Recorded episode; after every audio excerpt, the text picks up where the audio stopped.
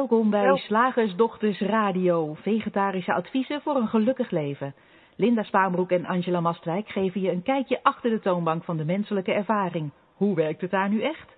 Wij maken gehakt van ingewikkelde concepten en fileren met liefde ook jouw leven. Dat alles onder het motto geluk. Mag het een onsje meer zijn? Ja, goedenavond uh, luisteraars. Hier is Linda en uh, ook jij, uh, goedenavond Angela. Hey, hallo Linda en welkom luisteraars. Ja, vanavond gaan wij het hebben over liefde voor gevorderden. Maar voordat we daarmee mee beginnen, eerst natuurlijk even mijn gebruikelijke vraag aan onze luisteraars. Als je een vraag voor ons hebt, kan gaan over het onderwerp van vanavond, kan ook een veel algemenere vraag zijn over ja, iets in jouw leven wat jouw geluk in de weg staat of iets in het kader van de drie principes waar we het hier graag over hebben. Vul dat, uh, geef je vraag dan aan ons door in het uh, question and answer vak. ietsje lager op de pagina waar je nu naar ons luistert. En dan beantwoorden we die later in de, deze uitzending heel graag. Mocht je live in de uitzending aanwezig willen zijn, geef dan ook even je telefoonnummer erbij. Dan bellen we jou in. Maar nu eerst, liefde voor gevorderden. En wij hebben beloofd dat we vanavond gaan filosoferen over begrippen als ware liefde, onvoorwaardelijke liefde, verliefdheid.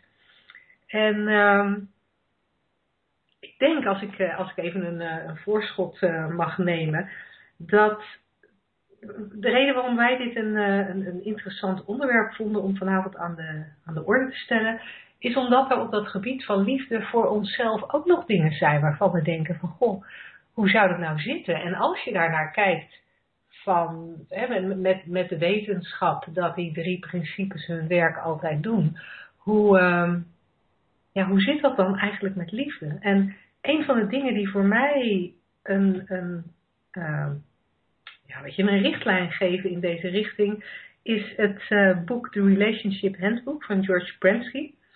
En hij uh, schrijft, uh, de, de, ondertitel van het boek is A Simple Guide to Satisfying Relationships. En dit, dit boek is op zo'n manier geschreven dat je de indruk krijgt dat je eigenlijk met iedereen een relatie kan hebben. Dat het eigenlijk niet uitmaakt um, wie je tegenkomt. Uh, want dat je, ja, omdat je nou eenmaal je, je eigen realiteit schept met je eigen gedachten, ja, kun je dus van iedereen alles denken wat je wil, in theorie. en zou dat betekenen dat je dus in theorie ook met iedereen een liefdesrelatie kan hebben? Sterker nog, Sydney Banks, de, de, de, de, grondlegger van de drie principes, of in ieder geval degene die de drie principes als zodanig heeft verwoord. Um, als je hem hoorde spreken, dan, dan gaf hij eigenlijk aan dat alles liefde is. Dus wat wij hier zitten te doen is ook liefde. Dus ja, waar blijf je dan, hè, Angela, met, met, met begrippen als ware liefde en onvoorwaardelijke liefde en dat soort grappenmakerij? Ja, waar blijf je dan? Ik moest ook gelijk bij dit onderwerp denken aan dat, uh, aan dat liedje wat uh, de teamsong van de film Alles is Liefde is. Mm Daar heb ik naar geluisterd en uh, het klinkt allemaal heel mooi. ik heb de film ook gezien, het is alweer een tijdje geleden. En in mijn herinnering ging die liefde ook inderdaad alleen, zoals wij het vaak zien, over liefde tussen twee mensen. En dat kan natuurlijk zijn een, een romantische liefdesrelatie tussen man en vrouw of vrouw-vrouw, man-man. Uh, een, de liefdesrelatie tussen ouders, kinderen of met, die je hebt met familieleden en met vrienden. Maar voor mij gaat het begrip alles is liefde uh, eigenlijk een stapje verder. Gaat het niet zozeer alleen over relaties. Daar gaat het natuurlijk ook over. Maar het is een soort begrip. Ik zie het buiten de liefdesrelaties die je kan hebben ook als een soort de grondstof van alles. Ik zit hier nu eh, naar buiten te kijken naar een, eh, zo'n prachtige eucalyptusboom. En dan denk ik, ja, dat bestaat in de grond ook uit liefde. En dat kan je de universele levensenergie noemen. En ik zie alles is liefde op die manier. Maar waar, vanavond, eh, waar we het vanavond over hebben, waar wij dan nog eh, vragen in onszelf misschien over hebben of, of uh, dagelijks om ons heen zien, dat, dat richt zich meer op liefdes in relaties. En zoals jij al zegt, in principe zou je met iedereen een liefdesrelatie kunnen hebben. Vanwege het feit dat de wereld is wat jij ervan maakt. En iedereen in die wereld is ook maar hoe jij dat ziet. En toch lijkt er voor mij zoiets te zijn als een uh, onderscheidend vermogen wat de mens heeft. Heel simpel. Ik vind uh, broccoli lekkerder dan uh, andijvie. En in theorie weet ik dat de smaak van allebei compleet verzin. Uh, en, en, dat ik op een toekomstig moment misschien andijvie wel lekkerder ga vinden dan broccoli. Maar op dit moment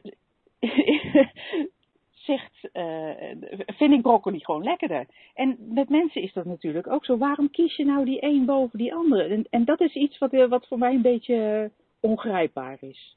Alsof er een soort, uh, uh, toch op een bepaald niveau een match is, maar dat kunnen we niet zien of niet, niet, niet uitleggen. Zoiets. Ja, nou ja, wat, wat, wat, ik, wat ik in die lijn zeg maar het intrigerende vind, is dat je als je ook weer terugkijkt naar dat relationship handbook, waar eigenlijk aangegeven wordt dat um, ja, de problemen die we vaak met elkaar hebben. Hè, want als je dan even, even van tafel haalt dat je met iedereen een relatie zou kunnen hebben, of dat alles liefde is, misschien dat eigenlijk uh, meer, eventjes van tafel halen. Um, en je zit in een, uh, in een, laten we even zeggen, een romantische relatie met iemand. Dat Um, dat op het moment dat je problemen met elkaar krijgt, omdat hij zijn onderbroek laat slingeren in de slaapkamer en jij dat niet leuk vindt, of omdat zij um, uh, het eten voor de zoveelste keer heeft laten aanbranden, of het vertikt om het bed op te maken terwijl hij dat heel belangrijk vindt. Dat kunnen allemaal van die enorme futiliteiten zijn uh, waar we onszelf uh, druk over maken en waar we op afknappen bij mensen. Um, in het Relationship Handbook wordt, wordt mij heel duidelijk dat dat, dat dat soort problemen, dat soort wrijvingen, eigenlijk heel makkelijk uh, te, uh, te vermijden zijn. Dat je daar geen last van hoeft te hebben, naarmate je hem meer ziet hoe het, hoe het leven echt in elkaar zit en echt gecreëerd wordt. Vallen, vallen dat soort strubbelingen weg. Maar dan nog blijf je op dat punt zitten dat je broccoli lekkerder vindt dan andijvie of andersom. Maar wat ik nog intrigerender vind, en dat is iets wat jij uh, op een gegeven moment ook wel eens benoemd hebt in een van onze persoonlijke gesprekken, dat je soms ook nou ja, bijna aan de buitenkant ziet van een stel of vindt van een stel. Van ja, die passen eigenlijk niet bij elkaar. En daar gebeurt dus wel iets. Ja, gek is dat. Hè? Dan, dan vraag ik me ook af, is dat dan echt puur een persoonlijke mening? Want terwijl jij praatte over dat, dat sokken laten slingeren en, en, en dat soort problemen die in een relatie, problemen, ik moet er gewoon lachen, zouden kunnen spelen, dan dacht ik, oh dat deden mijn kinderen vroeger ook. Maar het zou dan niet in mijn opkomen om te zeggen, nou joh, je bent mijn kind niet meer, want je laat elke dag je sokken slingeren. Alsof er uh, in, een, in een, uh, een, romantische liefdesrelatie, laten we het zo maar even benoemen om het duidelijk te hebben, alsof er daar veel meer voorwaarden zijn, alsof we daarin veel meer voorwaarden stellen aan het gedrag van de ander, om die relatie voort te zetten. En natuurlijk, een, een kind krijg je, daar hou je van, uh, is mijn ervaring, onvoorwaardelijk, hoe het er ook uitziet, hoe het zich ook gedraagt, eh, wat er ook voorvalt dat die, die liefde blijft bestaan. Maar in een romantische liefdesrelatie zijn, blijkbaar, zijn er blijkbaar veel meer voorwaarden. Van nou, ja. ik hou van jou, maar uh, je doet nou zoveel dingen die ik niet leuk vind, dat ik even niet meer zoveel van je hou. Of sterker nog, definitief niet meer van je hou en verder ga. Ja. Dat is interesserend. Ja, en toevallig had ik vandaag een gesprek met een vriendin die al lang getrouwd is. En uh, nou ja, omdat ik niet getrouwd ben, en uh, hadden, hadden we het er zo over van ja, als je dan weer uh, gaat daten en je ontmoet een nieuw iemand, dat het allemaal heel spannend is. En nou ja, zij vindt, zij vindt het dan eigenlijk wel heel erg leuk dat, dat ik spannende dingen meemaak. Maar ik ben eigenlijk een beetje jaloers op haar, omdat zij in zo'n langdurige relatie zit waar ik allerlei romantische ideeën bij heb over hoe fijn dat is als je al honderd jaar samen bent. En zij, gaf, uh, zij, zij, zei in dat uh, gesprek dat, ja, daar benoemde ze iets, en ik, ik weet niet eens meer waar het letterlijk over ging, maar zij benoemde iets van, ja, weet je, het heeft ook zo, het heeft ook zo zijn nadelen, zo'n lange relatie. Want ja, je wordt wel heel erg jezelf bij, uh, bij elkaar. En, je ziet toch ook de minder fraaie kanten van elkaar. Dus nou ja, daar, daar, daar zag zij toch ook wel wat minder prettige kanten aan. En, god, dan ben ik weer kwijt. Dat gebeurt toch wel vaak de laatste tijd. Dat ik halverwege een verhaal zit en dat ik mijn spoor kwijt ben. Je bent mindless aan het worden, Linda. Wat zeg je? Je bent zo mindless aan het worden, wat heerlijk. Oh man, hoe mindless kan je worden? Um, even kijken hoor, waarom zei ik dit? Zij was. Uh... Oh ja, en wat ik, wat ik, wat ik een beetje bedacht naar aanleiding van, uh, van wat zij zei. Hè, dat, dat zij eigenlijk zoiets had van ja, maar ja, er zitten toch een aantal dingen aan zo'n langdurende relatie waarvan je ook denkt, mwah, mwah, mwah. Dat ik me realiseerde dat we, dat we die verwachtingen waar jij het over had, dat we, dat we blijkbaar toch wel een beeld hebben bij hoe een goede relatie hoort te zijn. Uh, en dat beeld dat, dat zal voor een deel collectief bepaald zijn. Hè? Dat we met z'n allen een beetje een collectief beeld hebben over hoe romantische liefde eruit ziet of hoe ware liefde eruit ziet. En voor een deel is het natuurlijk heel persoonlijk. Maar dat hele, dat, dat persoonlijke stuk waar we dan, ja, zoals een van mijn vriendinnen altijd zegt, een kleurplaat maken van hoe het zou moeten zijn. En dan die kleurplaat gaan inkleuren. En als die niet, als die niet past, als de kleurtjes niet passen bij de kleurplaat die je hebt um, dan, dan gaat het wringen en dan wordt het vervelend. En, um, en ik kan me voorstellen dat daar uh, niet alleen scheidingen vandaan komen, waar jij net aan, uh, aan refereerde, maar dat dat ook maakt dat we ja, blijkbaar ook een nieuwe relatie instappen met verwachtingen dat de kleurplaat op een bepaalde manier ingevuld moet worden. En het boeiende is dat, dat, dat we dat dus blijkbaar in een romantische relatie veel meer doen dan in bijvoorbeeld vriendschapsrelaties. Uh, ja, blijkbaar is daar de, de, kleurplaat belangrijker. En terwijl ik naar jou luisterde, wat, kwam er nog iets bij mij op uh, in, in, verband met het gesprek wat jij had met je vriendin over langdurige relaties. Het, het lijkt dus zo te zijn dat wij ook heel veel ervaringen uit het verleden steeds over het heden leggen in zo'n langdurige liefdesrelatie. Oh, daar heb je hem weer, of daar doet hij het weer. Terwijl, ja, er is natuurlijk een, een, een manier van leven in het nu. Ik wil niet zeggen van doe dat en dan is het klaar.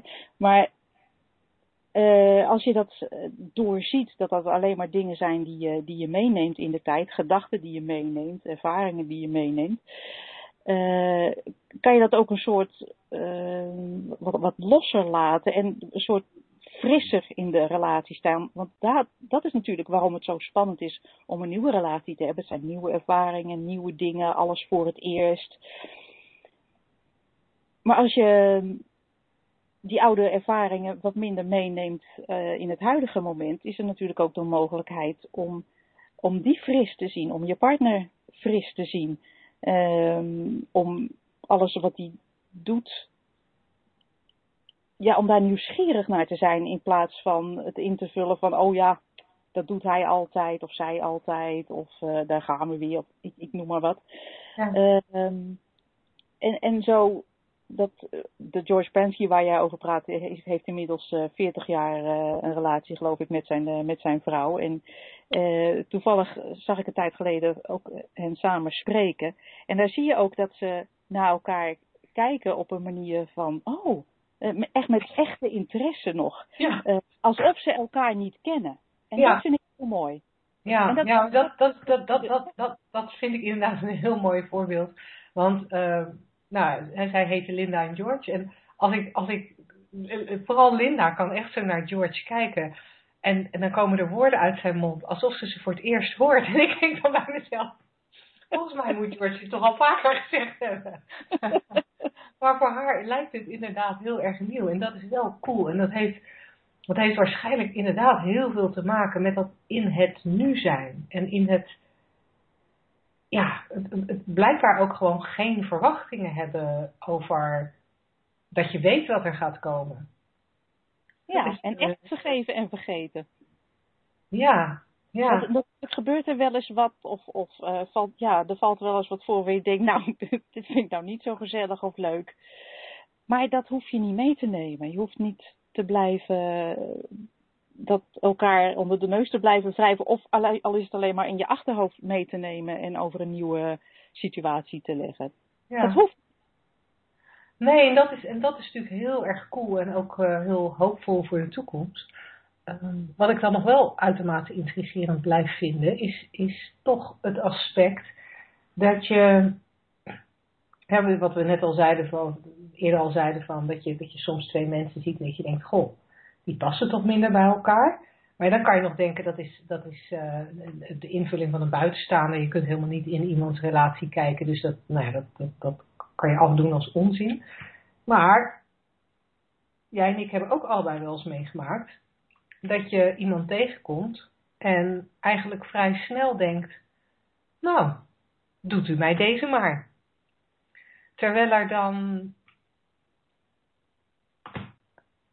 En wat gebeurt daar dan? Dat je bij de een denkt, doet u mij deze maar, en bij de ander niet. Ja, dat is, dat is heel lastig uit te leggen. En uh, twee dingen uh, zag ik terwijl jij gezellig aan het kletsen was. En ik dacht, uh, ik vind bijvoorbeeld chocola over een gehaktbal. Ik, ik noem maar even wat hoor. Het is het eerste in me op. Uh, dat past niet. Ja, en waarom dat is, die smaken, ja, dat, dat lijkt me gewoon niet, uh, uh, niet combineren. En dan kan ik de theorie bij hebben. Of denk ja, en ik verzin al mijn smaken. Ja, dat klopt wel. En inderdaad, is mijn eigen ervaring ook dat ik op een gegeven moment uh, um, iemand tegenkwam en ik wist gewoon na een hele vreemde droom, oh dat is hem. Maar dat was niet een gevoel van, oh verliefdheid en nu moet ik dit. Er was niet een gevoel van uh, romantiek of dat er iets moest gebeuren of een, een toekomst of een. Er was gewoon een soort helderheid. En toen heb ik ook heel duidelijk gezien dat, dat verliefdheid zoals we dat kennen met vlinders in de buik, dat, dat, dat we dat echt volkomen verzinnen in ons hoofd. Dat is het verhaaltje wat we eroverheen leggen. Dat zijn de verwachtingen die je projecteert en de, en de, uh, de gekleurde blik die je, die op die ander werpt. Dat is, ik heb heel duidelijk toen het onderscheid kunnen zien. Oh, dat is het verhaaltje wat ik verzin. En daarvoor was een soort helderheid. Oh, deze. Ja, en ik, dat kan ik niet verklaren. Maar kan je er iets meer over vertellen? Want ik vind het heel, ik vind het heel interessant, maar je gebruikt vrij weinig woorden. Uh, dus voor iemand die de ervaring niet gehad heeft, uh, zou het helpen als je, als je iets meer woorden zou gebruiken om het te beschrijven. Nou, ik kwam dus op een gegeven moment, mijn huidige partner kwam ik tegen in gewoon uh, een heel toevallige ontmoeting. En ik was op dat moment net zo overtuigd van dat ik helemaal heel was en niemand nodig had dat ik ook totaal geen belangstelling had. En andersom was dat ook niet zo. Dus er was niet iets van, oh, die is leuk en misschien moet ik, uh, of ik weet niet. Nou, nee. Vervolgens uh, uh, droom ik erover dat, wij, dat hij mij meevraagt op reis. Wat heel grappig is, want we zijn inmiddels samen vier jaar op reis.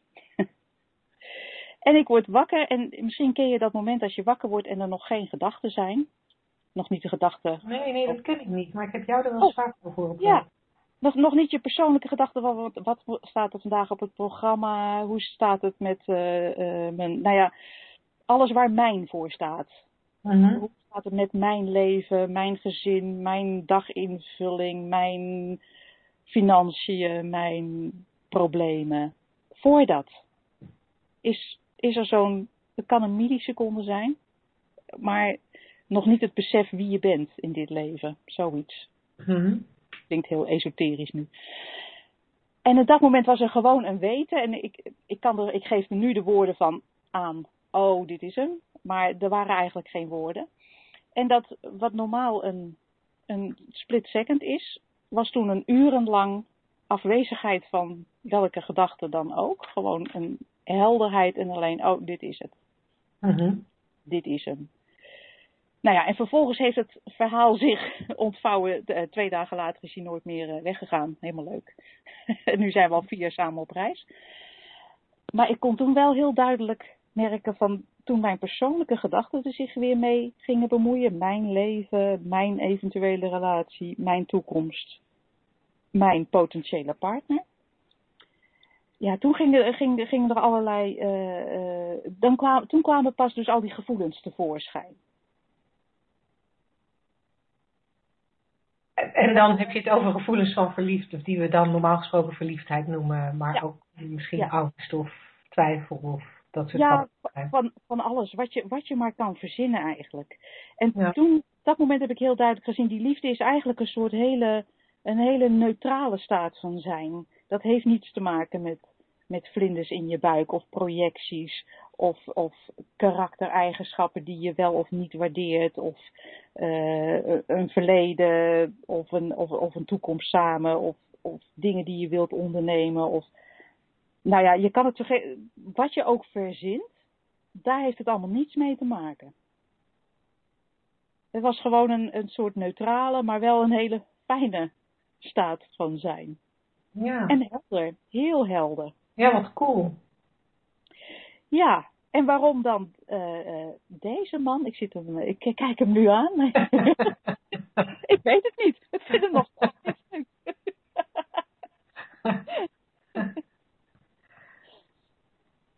Ja, intrigerend hè? Ja. Ja, het grappige is, er is dus ook nooit een uh, belangstelling geweest van mijn kant. wel, wel, wel belangstelling voor hoe we in dit moment zijn, maar niet over van, oh, wat heb je allemaal meegemaakt. Dat heb ik pas in de loop van de jaren gehoord, als hij dat gebruikt in gesprekken met andere mensen om uh, uh, te laten zien dat bepaalde ervaringen ook anders, uh, een andere insteek kunnen hebben, ik noem maar wat. Mm. over ziektes of, of, nou ja, je kan zo gek niet verzinnen. maar dat, daar, daar lag geen interesse. Het verleden was niet interessant. Eh, de toekomst ook niet. Nog steeds niet. Nee. maar er is wel die beleving in het, in het nu die heel fijn is. Tenzij ik even verwikkeld zit in mijn uh, persoonlijke gedoetje natuurlijk. kan, het wel, kan, het wel, eens even anders voelen. Maar ja, ik snap dat dat niet, uh, niet, niet uh, waar is. Nou ja, dat is, ook, dat is ook heel interessant. Ik vind het heel interessant dat je zegt van, van het verleden deed er eigenlijk niet toe. Het was gewoon hoe het is in het nu en dat is het nog steeds. Um, want, want ik heb de laatste tijd gemerkt, uh, sinds ik vrij veel nieuwe mensen ontmoet, dat we in gesprekken onszelf eigenlijk heel snel definiëren via ja. het verleden. Ja. Wat heb je voor een werk gedaan? Um, wat heb je voor relaties gehad? Um, waar ben je op vakantie geweest? Het gaat heel veel over, over vroeger, terwijl ja, ik ook meer en meer het idee krijg van dat, dat doet er eigenlijk niet zoveel toe. Soms vind ik het leuk om iets te vertellen van vroeger, omdat ik, leuke, omdat ik dan dingen mee heb gemaakt waarvan ik het soms leuk vind om te delen, of dat, dat is soms lijkt het in een gesprek relevant om het te delen. Uh, maar ik merk ook meer en meer aan mezelf dat ik, het, dat ik het eigenlijk niet zo heel boeiend vind om, uh, om, om, om van alles te vertellen uit mijn eigen verleden. Maar vervolgens sta je dan, of sta ik dan wel een beetje met mijn mond vol tanden. Want waar heb ik het dan over? Ja. Dan, dan kom je op het punt van ja, dan kun je eigenlijk alleen maar met elkaar zijn. Maar ja, de etiketten schrijft voor dat wij aan een tafel gaan zitten dineren en gaan praten over ons leven om onszelf om elkaar beter te leren kennen. Weet je? Ja, ja dat is grappig. Ik herinner me een paar jaar geleden zaten, zaten wij in een restaurant. En naast ons was een tafeltje en duidelijk vond daar een eerste date plaats. En ik hoorde haar, of hem, hem geloof ik, vragen, vertel eens iets over jezelf. En wij zeiden allebei, nee, nou niet hardop natuurlijk, niet doen, niet doen. want wat je gaat doen is natuurlijk een verhaal vertellen, is altijd gekleurd, want het is vanuit je eigen beleving, je eigen perceptie, het is allemaal al lang voorbij. Je gaat een verhaaltje presenteren de ander presenteert een verhaaltje. En dan wordt er op basis van dat verhaaltje gedacht, oh, hier is wel een match. Terwijl, ja. terwijl je in elk moment natuurlijk een, een uh, ja, vers kan zijn, een frisse blik op het leven kan hebben. En als ik uh, gisteren spinazie lekker vond, hoef ik het morgen niet lekker te vinden. En waar je het dan over moet hebben, ja, het wordt meer gewoon een beetje spelen zoals je vroeger deed. Als je als kleuters uh, kom je elkaar tegen. Dat is ook heel interessant om te zien als je naar kleine kinderen kijkt. Dan is het niet van, goh, waar woon jij? En uh, welke peuterspeelzaal ga je naartoe? En uh, speel je nou liever met blokken of met kleurpotloden? wat wil je laten worden? Weet ik veel. Er komen twee kleuters elkaar tegen. Hoi, er wordt helemaal niet gevraagd. Spelen, prima. En dat gaat samen een zandkasteel bouwen. En ja. dat klinkt natuurlijk een beetje kinderachtig, maar uh, we hebben van de week trouwens een, uh, een soort zandkasteel gebouwd met z'n tweeën. Dus het, uh, dat kan gewoon ook nog steeds. Ja, nou ja, en dat is natuurlijk, dat is natuurlijk ook cool. En het haalt, het haalt gelijk ook heel veel spanning van, van die hele liefde af. Want waar we natuurlijk in een eerdere uitzending alles over hebben gehad, toen we het, toen we het hadden over uh, liefdesliedjes of, of, liedjes, of liefde in literatuur, dat, dat um, dat er onwijs veel wordt opgehangen aan, uh, aan liefde. Uh, je, je, je geluk hangt ervan af, je leven hangt ervan af, je welzijn hangt ervan af. En, uh, ja, uiteindelijk is dat niet zo. In ieder geval niet van die per se romantische liefde met één specifieke persoon. Ik geloof best dat je liefde nodig hebt in je leven, maar die kan ook tussen vrienden en op andere plekken bestaan. Ja, ja, ja, dat lijkt mij ook. ja, ik, en uh, ja. Ik kan hier nog heel lang over doorpraten. maar we hebben nog drie onderwerpen deze uitzending. We doen er gewoon nog een uitzending over. Ja, dat is goed. hey, ik ga, um, ik ga jouw uh, volgende item aankondigen, Angela. Ja. Slagersdochters, wat zit er in de leverworst? Oftewel, Tijd voor wat wetenschap. Ja, wetenschap, het brein, het is zo'n interessant uh, drie pond wegend onderdeel van uh, het fysieke. En uh, wat ik van tevoren, voordat ik het weer over het brein ga hebben, even duidelijk wil stellen, dat als ik het over het brein heb, over de hersens, dan heb ik het over de, de biologische massa in de hersenpan. En dat is dus heel wat anders als de mind waarover wij praten in uh, de drie principes, in, als in mind, consciousness en thought. Waarin mind eigenlijk een soort uh, de universele levensenergie van alles is. Dus eigenlijk uh, voor de vorm. Dat, heeft, dat, dat, weegt niet drie pond, want dat kan je niet meten, niet wegen, niet zien. Dat is een vormloze energie die, die in alles schuilt en alles is. Ook in het brein dus dat ik dat even helder heb qua onderscheid. Mm ja, wat heb ik deze week bekeken? Uh, het brein dus weer. Uh, eh, 24 uur per dag gaan er elektrochemische signalen door ons brein. En er zijn triljoenen connecties tussen al die celletjes die daarin zitten. En, en we hebben al eerder gezegd, nou ja, als resultaat hebben wij een ervaring. En dat ervaren wij als wij. Maar wat maakt ons nou ons? Vanuit dit perspectief gezien. Hoe word je biologisch dus gevormd? Uh, we beginnen even bij de geboorte van een brein, van een, van een baby. Nou, we worden als mens vrij hulpeloos geboren, hè, in vergelijking mhm. met andere diersoorten. We zijn veel langer hulpeloos. De meeste dieren zijn min of meer klaar om bijna zelfstandig deel te nemen aan het leven. Een babyzebra bijvoorbeeld, die kan drie kwartier na zijn geboorte al rennen. Dat is ook heel handig. Want uh, als er toevallig een, een, bedreiging is terwijl hij net geboren is, dan moet hij gewoon met zijn moeder mee kunnen lopen. Want die heeft nu al helemaal geen kinderwagen of een draagzak of een auto klaarstaan. Uh, die dieren, hun hersens, zijn dus eigenlijk gewoon voorgeprogrammeerd en al klaar bij hun geboorte. Omdat zij instinctief leven.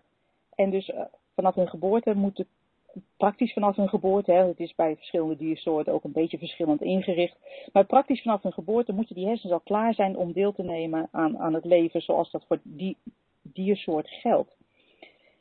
Maar de meeste dieren kunnen dus niet overleven in een omgeving die hun natuurlijke habitat niet is, omdat dat brein daar niet op gericht is. En dat brein van dieren is niet flexibel.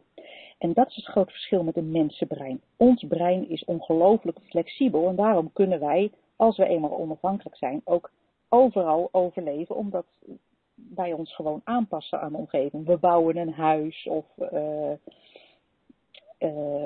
we zorgen dat we ons op een bepaalde manier voort kunnen bewegen ongelooflijk flexibel. Dus we kunnen van alles verzinnen. Dat brein is gemaakt om een taal te leren, om gezichtsuitdrukkingen na te doen.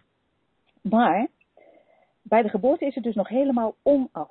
En in plaats van voorgeprogrammeerd, zoals bij de neushoorn, zorgt dus de omgeving van de baby voor de bedrading van het brein. Dus dat is, dat is wat anders dan een instinctief brein. En ik moest daarbij ook denken aan een uitspraak van, uh, van onze Sydney Banks.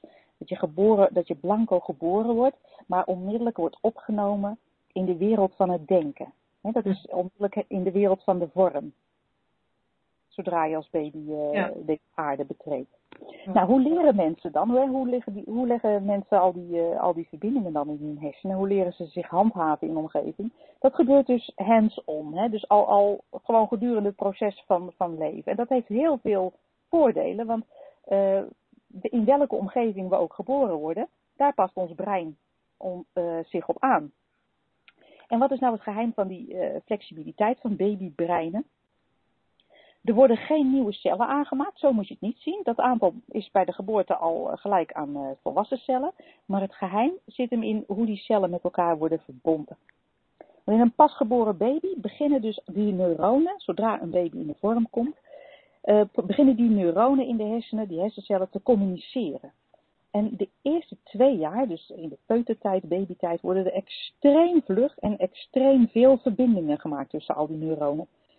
Elke seconde, ik vind het niet te geloven, elke seconde worden de eerste twee jaar 2 miljoen nieuwe verbindingen aangemaakt. Kun je nagaan hoe druk zo... We hebben ze kunnen tellen, denk ik dan. nou, dat vind ik, zit er iemand met een klikkertje? Ik denk het niet. En als een kind dan twee jaar is, heeft, die gemiddeld, heeft de gemiddelde neuron in zijn brein, dus één zo'n celletje, heeft 15.000 verbindingen met andere cellen. Ja. Elk celletje heeft 15.000 verbindingen. En het leuke is, dat zijn er twee keer zoveel als in een volwassen brein. Hey. Oké. Ja, dus met twee heb je het maximaal aantal verbindingen aangelegd. Maar tegen de tijd dat je volwassen bent, is dat gereduceerd tot de helft.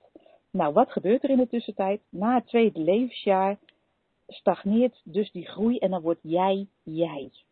En dat is heel leuk hoe dat gebeurt. En ik vind dat heel mooi om te zien, want dat zeggen we ook in, uh, in non-dualiteit, hè, in, in, in die filosofie. Van, vanaf een jaar of twee gaat een kind het ego ontwikkelen, om het zo maar even te noemen in die termen. Dan krijgt het een soort zelfbewustzijn. Hé, hey, ik ben niet uh, mijn mama, maar ik ben ik. En nou, hoe gebeurt dat dus in, in dat brein? Hè? In, want we bekijken nu de biologische kant. Nou, al die verbindingen, die worden teruggesnoeid. Dus tot in twee jaar ben je nog helemaal, zitten alle mogelijkheden nog in je hersenen. Je kan iedereen en alles worden wat je wil.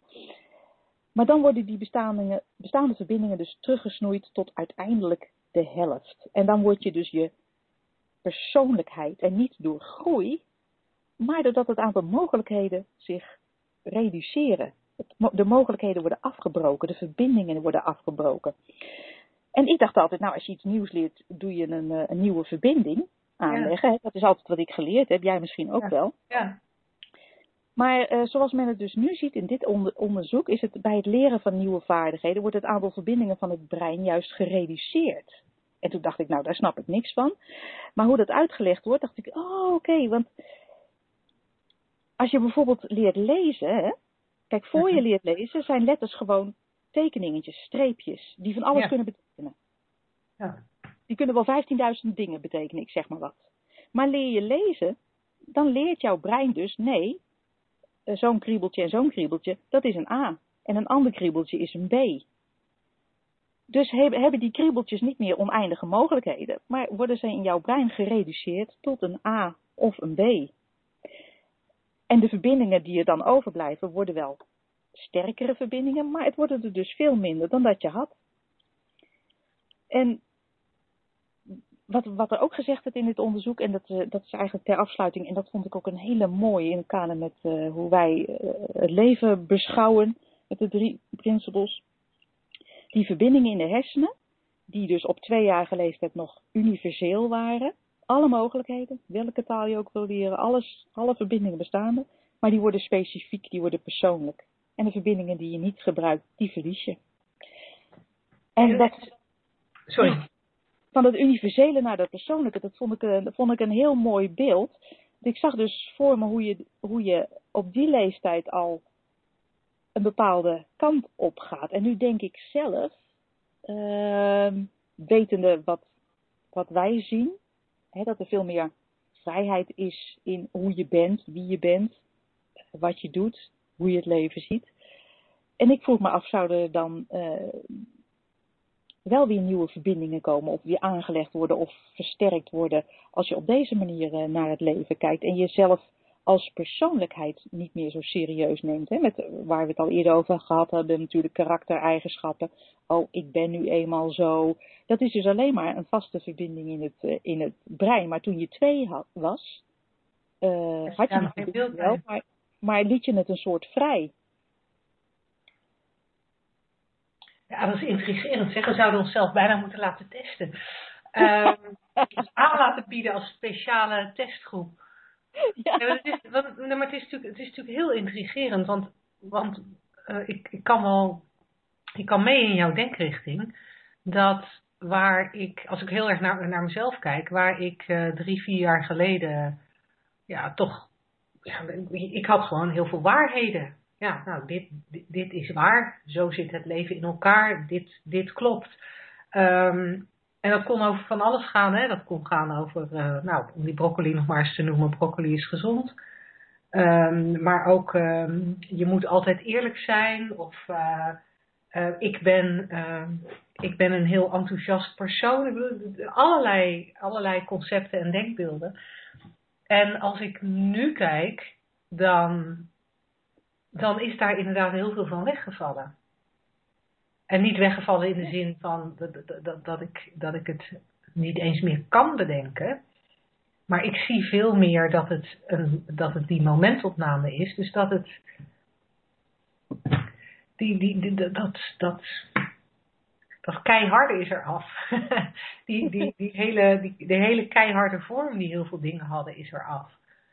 Uh, en en heel veel van wat ik zie en wat ik doe en wat ik denk over mezelf of over anderen is veel vloeibaarder. En, uh, en verandert veel makkelijker. Dus dat, dus dat is inderdaad intrigerend of, dat dan, of, of je dan toch weer een beetje terug zou gaan uh, naar hoe dat brein vroeger was. Ja, ik moet nu ook ineens uh, denken van het, het, advies van wordt, wie weer als kinderen wordt of zo. En wat ik net ook al zei, van samen in de zandbak spelen, dan maak je je ook niet zo druk om uh, het verleden van de ander of nee. zijn achtergrond, zijn peuterspeelzaal. Uh, maar of hij nou wel of niet gaat studeren later en een goede baan krijgt. Precies. Dus ik vind hier heel veel, uh, hier, heel veel in zitten. Ook het feit uh, dat er wordt gezegd uh, welke verbindingen er overblijven, ligt dus aan je omgeving. En dat heeft ook een beetje, wijst ook een beetje in de richting van het hebben van afgescheiden realiteiten.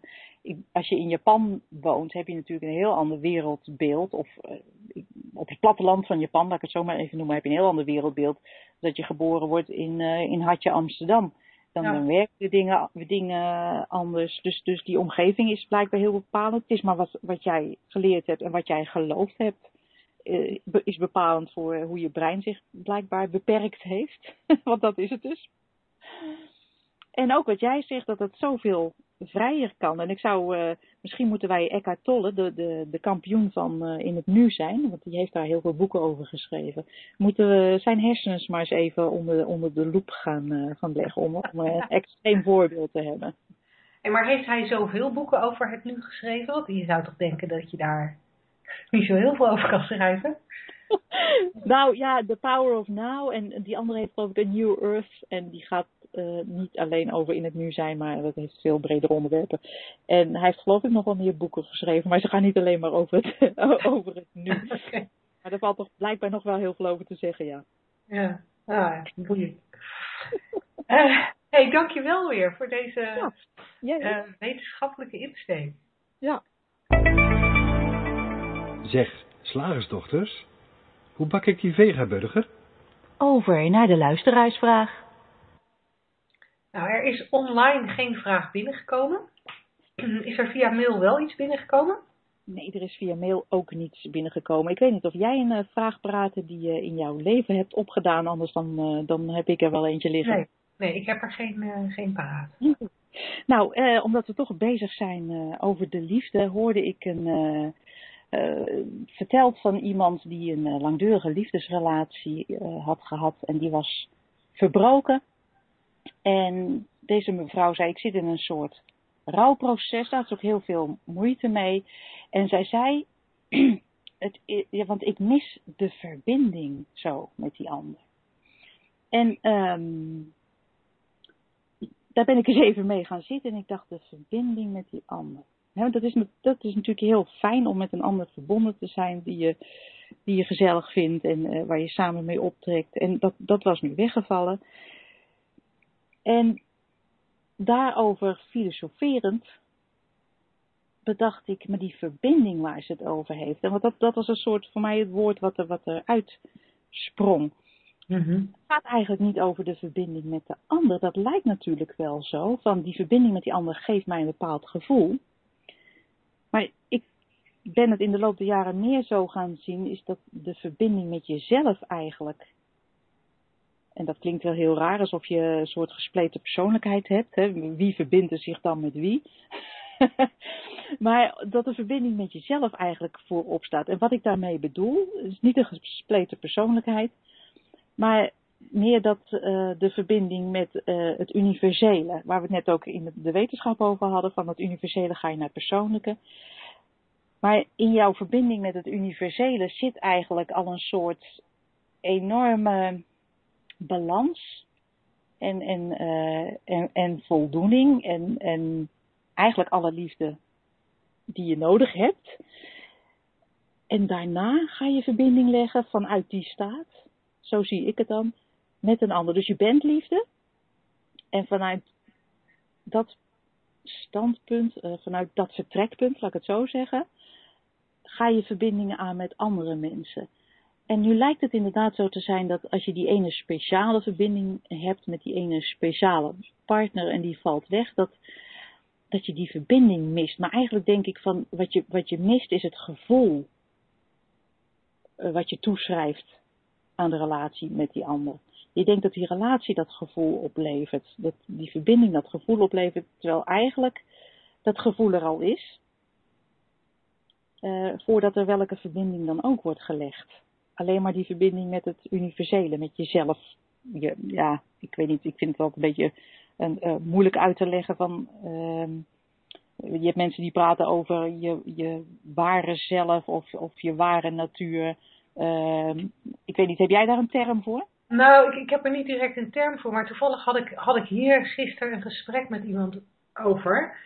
Um, en, en hij zei van, um, uh, hij noemde het um, ja, dat is het derde principe, zei hij. en daar moest ik heel even over nadenken, het derde principe. Uh, maar toen, toen hè, want je hebt natuurlijk thought, consciousness en mind in het Engels. Gedachten, bewustzijn en ja, wij noemen het vaak universele levensenergie uh, in deze radioshow. Maar laten we het ook even mind noemen, voor, uh, omdat dat een korter woord is dan universele levensenergie. Ja. En en maar mind is dan wel die universele levensenergie. En dat derde principe, daar praten we niet vaak over. Ook niet in deze radioshow. We hebben het toch vaak over gedachten, bewustzijn en hoe je daarmee je, je realiteit creëert. Maar uiteindelijk is daar wel dat mind, waar blijkbaar alles door gaat stromen. Waardoor eikels eikenboom worden en uh, babykonijntjes grote konijnen in plaats van uh, andersom. En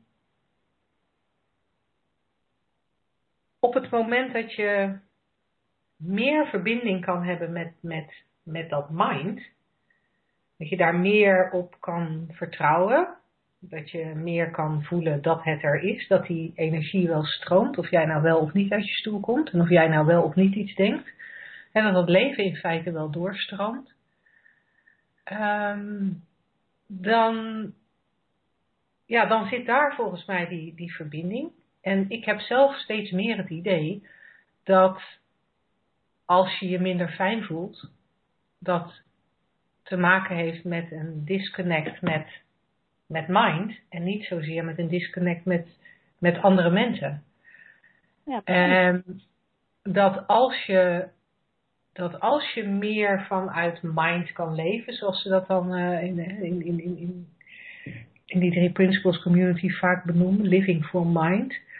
Um, als dat meer de energie kan zijn van waaruit je komt, in plaats van die persoonlijke gedachten over wat er allemaal moet en wat allemaal het beste is en hoe het allemaal zou horen, uh, dan, kom je, dan kom je van een andere plek. En ik merk zelf dat, dat ik, en dan klinkt het alsof ik altijd in die staat ben, dat is natuurlijk niet zo, maar ik merk wel dat ik, en, en dat zie ik bij jou ook heel erg, uh, dat, dat uh, sinds ik meer en meer in deze richting kijk, ik iets stralends over me heb, wat heel aantrekkelijk is voor mensen. En, en het lijkt wel alsof dat toch iets te maken heeft met een soort algemeen gevoel van liefde wat je dan met je meedraagt of zo. Uh, wat makkelijker een verbinding maakt met mensen. En ik, ik heb ook wel het idee dat, dat je als je je gedachten minder serieus neemt en nou ja, ziet hoe je je realiteit creëert, waardoor je daar allemaal minder mee bezig bent, dat je ook verbinding met, nou ja, met mind kunt hebben, makkelijker, omdat daar ruimte voor is. Maar dat ook de verbinding die ik ervaar met andere mensen die lijkt wel op een ander niveau plaats te vinden. En zoals ik het ervaar, en het is natuurlijk maar mijn bedenksel, maar was er vroeger vaak verbinding op intellectueel niveau. Oh, wij kunnen leuk dezelfde gesprekken hebben, we kunnen, we kunnen fijn over dezelfde dingen praten. Uh, en, en, en fijn samen analyseren, want dat was toch altijd wel mijn hobby. we kunnen samen de wereld analyseren. Terwijl ik nu heel vaak ervaar dat die verbinding, ja, dan voelt het voor mij meer alsof het op buitenniveau zit, alsof die verbinding meer daar zit. Een beetje wat jij, eh, wat jij beschreef over je relatie met je partner. Van ja, weet je, dat verleden doet er allemaal niet zo toe en het hoeven allemaal niet van die hele diepe gesprekken te zijn. Er is daar blijkbaar iets van een verbinding, zonder woorden, eh, die, uh, ja, die er gewoon is. En die je ook volgens mij kunt hebben met, met, met ja, iedereen is misschien een groot woord, maar in potentie met iedereen. Waardoor ook als je een relatie kwijtgeraakt bent, kan ervaren dat, dat eenzelfde type verbinding met meerdere andere mensen kan ontstaan. Dat je daar niet per se die liefdespartner voor nodig hebt. Ja, want die, die, die verbinding uh, die is nooit echt weg. Hè? Die, die wordt alleen maar een soort uh, verborgen achter alle gedachten die je hebt over, oh, nu moet ik alleen verder en uh, we hadden het zo fijn samen, of juist niet. Uh, al die rouwgedachten, uh, die verbreken de connectie niet, maar hij die maakt het gewoon minder zichtbaar. En wat jij zei over um, dat, dat stralende wat je, wat je nu veel meer hebt. Ik moest gelijk denken aan hoe ik het simpel heb proberen te omschrijven in mijn kinderboek. Uh, daar ontdekt de hoofdpersoon Bente dat eigenlijk die ze dan werkelijk is, een soort lichtje is van binnen. En hoe minder troep je daar overheen gooit in de vorm van eh, verhaaltjes die je gelooft en, en eh, persoonlijke dingen, hoe helderder dat licht is en ook naar buiten schijnt. Dus ik denk dat uh, dat beeld heb ik erbij als jij dat vertelt. En dat moet ook inderdaad ja, een ander soort verbinding opleveren. Meer, een meer heldere verbindingen, meer open verbinding. Verbinding via het hart, of jij zegt met de buik, dat is natuurlijk net hoe je dat uh, zelf uitlegt en, en, en ervaart. Maar ja, dat kan nooit, je kan er nooit echt uh, los van komen, want die, die, die energie zit nou helemaal in je, dat lig je, dat ben jij ten, ten diepste. En dat is alleen, in, het, in Hawaii hebben ze daar heel, een hele mooie metafoor voor, die ze aan, aan kinderen leren. Daar, daar vertellen ze namelijk aan alle kinderen, dat uh, als je geboren wordt, dan heb je een, een grote bol met licht, krijg je mee. Ja. En elke keer als jij uh, niet liefdevolle gedachten hebt, wordt er een steen in die, in die, in die glazen kom gegooid, die het, die het licht een beetje verbergt. Dus een boze gedachte komt er een steen in. Een, uh, nou ja, alles wat niet liefdevol is, er komt er een steen in. Is dat nou erg? Nou ja, op een gegeven moment schijnt jouw lichtje dus dan niet meer zo helder. Maar daar hebben ze verder geen, uh, geen hele zware verhalen over. Het enige wat je dan hoeft te doen, wordt je kinderen verteld, is hoelie hoelie. Ja. en hoelie hoelie is gewoon, je kiepert die bol even om. Stenen eruit, klaar, daar is je lichtje weer. en hoelie hoelie, dat is gewoon eigenlijk het draaien. Zo noemen ze het, zo noemen ze het ook als, als daar een kip aan het spit uh, gaat. Hoelie hoelie. Dus het is heel simpel. Je bent dat, je hebt of bent zo'n zo'n grote bol met licht. Ja, en de stenen die je eroverheen gooit, ja, dat gebeurt gewoon. Daar ben je mens voor. Je zit nou eenmaal in zo'n, in, in een contrastrijke vorm. Maar geen probleem als dat gebeurt. Als je denkt, hé, hey, ik zie mijn lichtje niet meer. Even die bol, bol omkieperen, hoelie hoelie. En uh, je bent weer stralend als altijd. En wat ik daar het boeiende aan vind, als ik denk aan de, aan de vraag die jij, uh, die jij net naar voren bracht over die mevrouw die aangaf dat ze, uh, ja, dat ze een rouwproces door moest. Daar kun je je dan ook van afvragen in hoeverre dat ja. noodzakelijk is. Ja, ik, ik dacht ook gelijk holy holy. ja, ja.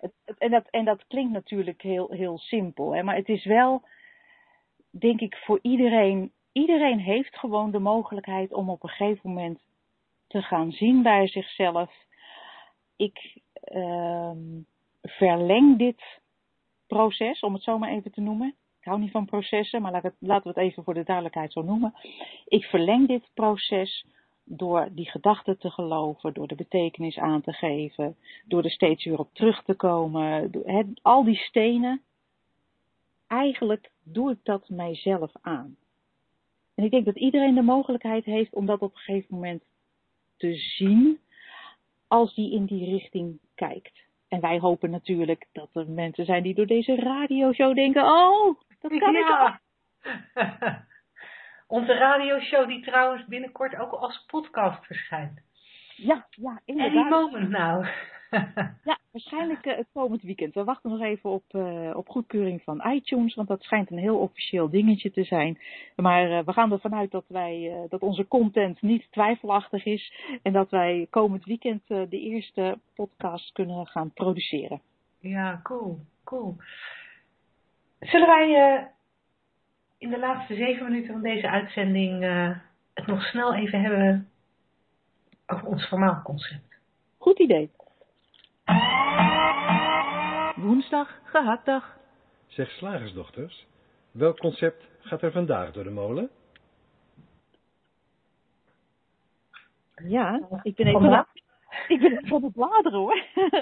Vandaag uh, zouden wij het uh, uh, graag even willen hebben over, over het concept stilstand is achteruitgang.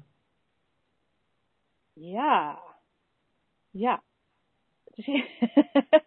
ik, ik, er komen gelijk twee, uh, twee beelden in mij op. Ik zie een stilstaande pool die nogal gaat stinken. En aan de andere kant zie ik een modderpool die als die, als die met rust gelaten wordt, dat uh, de modder zich settelt en dat, die, uh, dat de pas weer helder wordt. stilstand is achteruitgang. Wat vinden wij daarvan?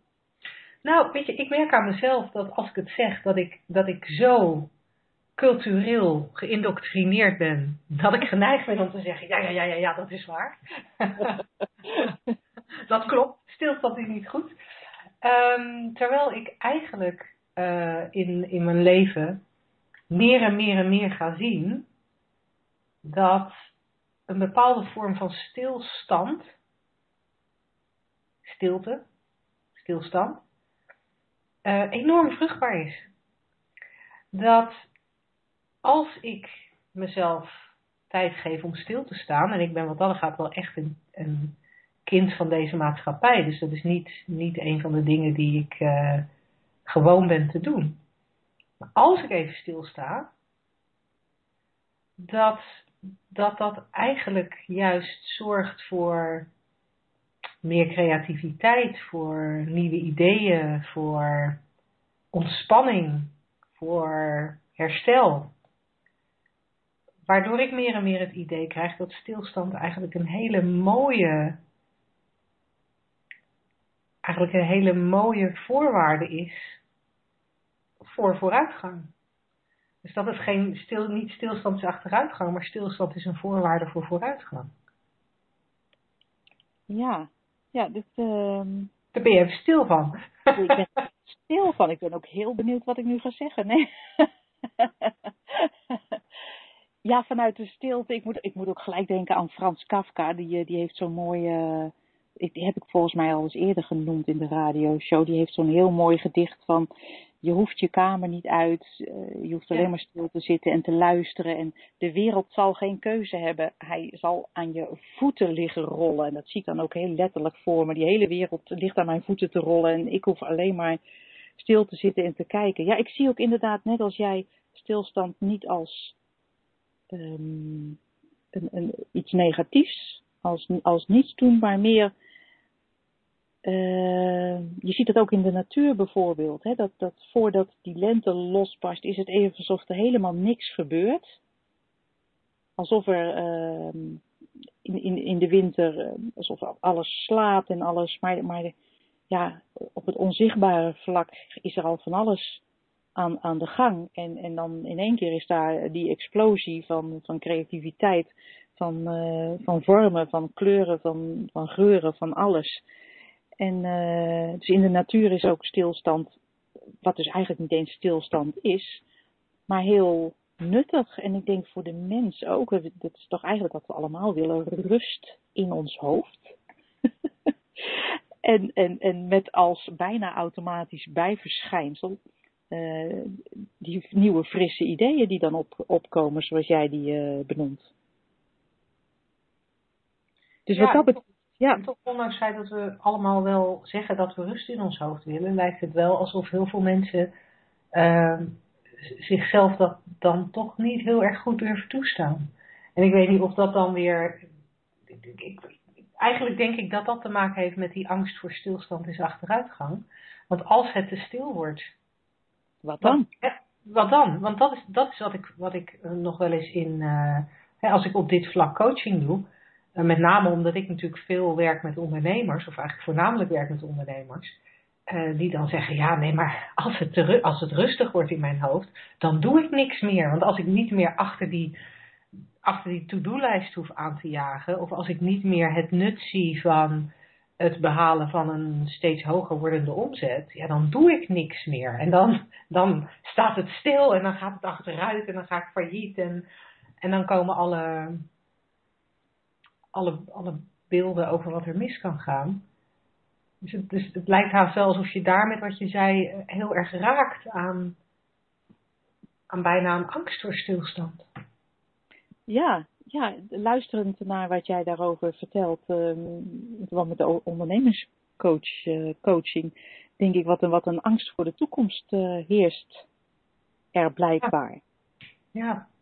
Je ziet het natuurlijk ook in de, uh, economie, als daar cijfers worden gepresenteerd, er, als er geen groei in zit, is het, is het niet goed. Het is echt ongehoord als een economie uh, krimpt. Dat ja. is echt wel zo onvoorstelbaar slecht wordt dat, uh, wordt dat bezien. Terwijl ik denk, ja, wat wij, wat ieder mens eigenlijk in wezen wil, is waar deze show het diepste over gaat, gelukkig zijn. En dat zit er natuurlijk niet daarin. Al kan je ook heel gelukkig bezig zijn met, eh, met een economische groei trouwens. Ja, tuurlijk. En je kan ook ontzettend hartstikke leuk bezig zijn met het laten groeien van je bedrijf. Ja. Uh, alleen, dat, dat blijft dan wel het spel waar je mee bezig bent. En, en, niet, um, en, en, niet wat uiteindelijk je, je welzijn en je geluk bepaalt.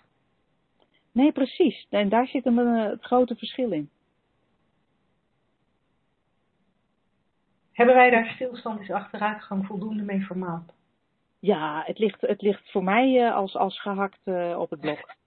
nou, hartstikke mooi. Dan zijn we daarmee keurig op tijd aan het eind van uh, onze uitzending. Um, dankjewel allemaal voor het luisteren. Dankjewel Angela voor het fijne gesprek. Dankjewel Linda. Wij spreken jullie heel graag volgende week weer. En vergeet niet je vragen aan ons in te dienen. Of aan ons toe te sturen via welkom@deslagersdochters.nl. En tot volgende week. Doeg!